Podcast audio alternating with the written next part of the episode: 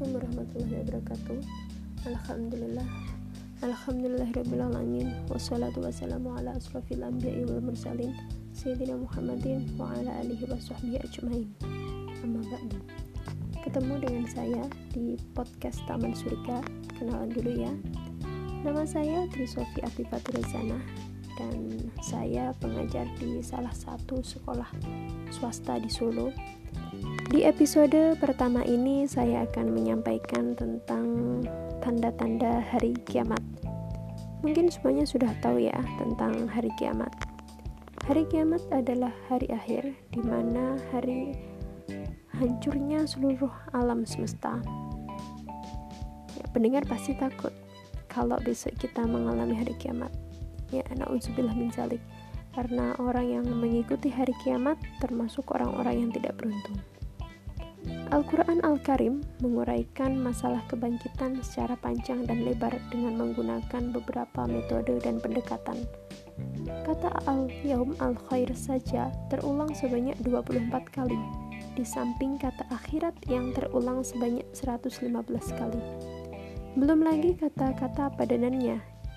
Nah, ini menunjukkan betapa besar perhatian Al-Quran dan betapa penting permasalahan ini. Maka dari itu, kita perlu memahami hari kiamat, termasuk tahu tentang tanda-tanda hari kiamat. Dengan kita mengetahui tanda-tanda tersebut, kita bisa menjadi lebih waspada, aware, dan hati-hati dalam bertindak, berperilaku, dan berucap.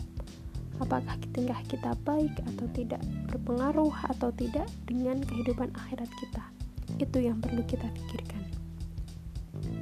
Tanda-tanda hari kiamat ada dua, yakni tanda-tanda kecil dan tanda-tanda besar.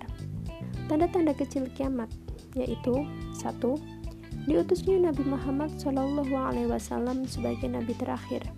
Yang kedua, banyaknya terjadi bencana alam, misalnya gempa bumi, tanah longsor, termasuk wabah yang saat ini yang masih membayangi kita. Tiga, banyaknya jumlah kaum perempuan dibandingkan laki-laki. Yang keempat, adanya golongan besar yang saling membunuh namun sama-sama mengakui dirinya untuk memperjuangkan agama Islam. Yang kelima, fitnah yang merajalela yang menimpa kehidupan manusia. Yang keenam, banyaknya jumlah pembunuhan disebabkan karena hal-hal yang sepele. Nomor tujuh, segala hal yang dipegang, segala hal yang pegang atau segala urusan dipegang oleh orang yang bukan ahlinya. Nomor 8. Manusia tidak memperdulikan lagi ilmu agama. 9. Adanya laki-laki yang menyerupai wanita ataupun sebaliknya. 11. Timbulnya pergaulan bebas antara laki-laki dan perempuan. 12. Merajalelanya kemaksiatan dan minuman keras. Setelah muncul tanda-tanda kecil, kemudian muncul lagi beberapa tanda sebelum tanda-tanda besar kiamat. Tanda-tanda tersebut seperti orang beriman yang jumlahnya semakin sedikit, kekacauan dan kejahatan yang semakin meningkat, dan peredaran waktu yang semakin cepat dirasakan. Sedangkan yang termasuk dalam tanda-tanda besar kiamat, yaitu satu, munculnya binatang-binatang yang dapat berbicara. Dua, Al-Quran tidak dianggap lagi sebagai pedoman hidup, melainkan hanya sekedar bahan bacaan biasa. Nomor tiga, munculnya Ya'jud dan Ma'jud, yaitu bangsa yang gemar dengan membuat kerusakan di bumi. Nomor 4, terpecahnya bulan. Nomor 5, banyaknya manusia yang menjadi kufur dan murtad. Nomor 6, munculnya Imam Mahdi.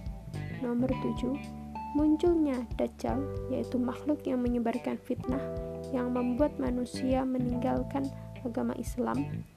Nomor 8, matahari terbit dari barat dan terbenam dari arah timur. Nomor 9, turunnya Nabi Isa binti Maryam. Nomor 10, munculnya binatang yang bisa berbicara dengan manusia. Sebenarnya, untuk tanda-tanda kiamat sendiri itu banyak. Seperti hadis yang diriwayatkan oleh Imam Ahmad yang artinya tanda-tanda rusaknya hari akhir adalah tercabutnya empat perkara. Satu, Allah mencabut berkahnya dari bumi. Dua, Allah mencabut keadilan. para hakim. Nomor tiga, Allah mencabut kasih sayang sesama manusia. Dan keempat, Allah mencabut rasa malu pada para wanita. Itu tadi beberapa tanda kiamat.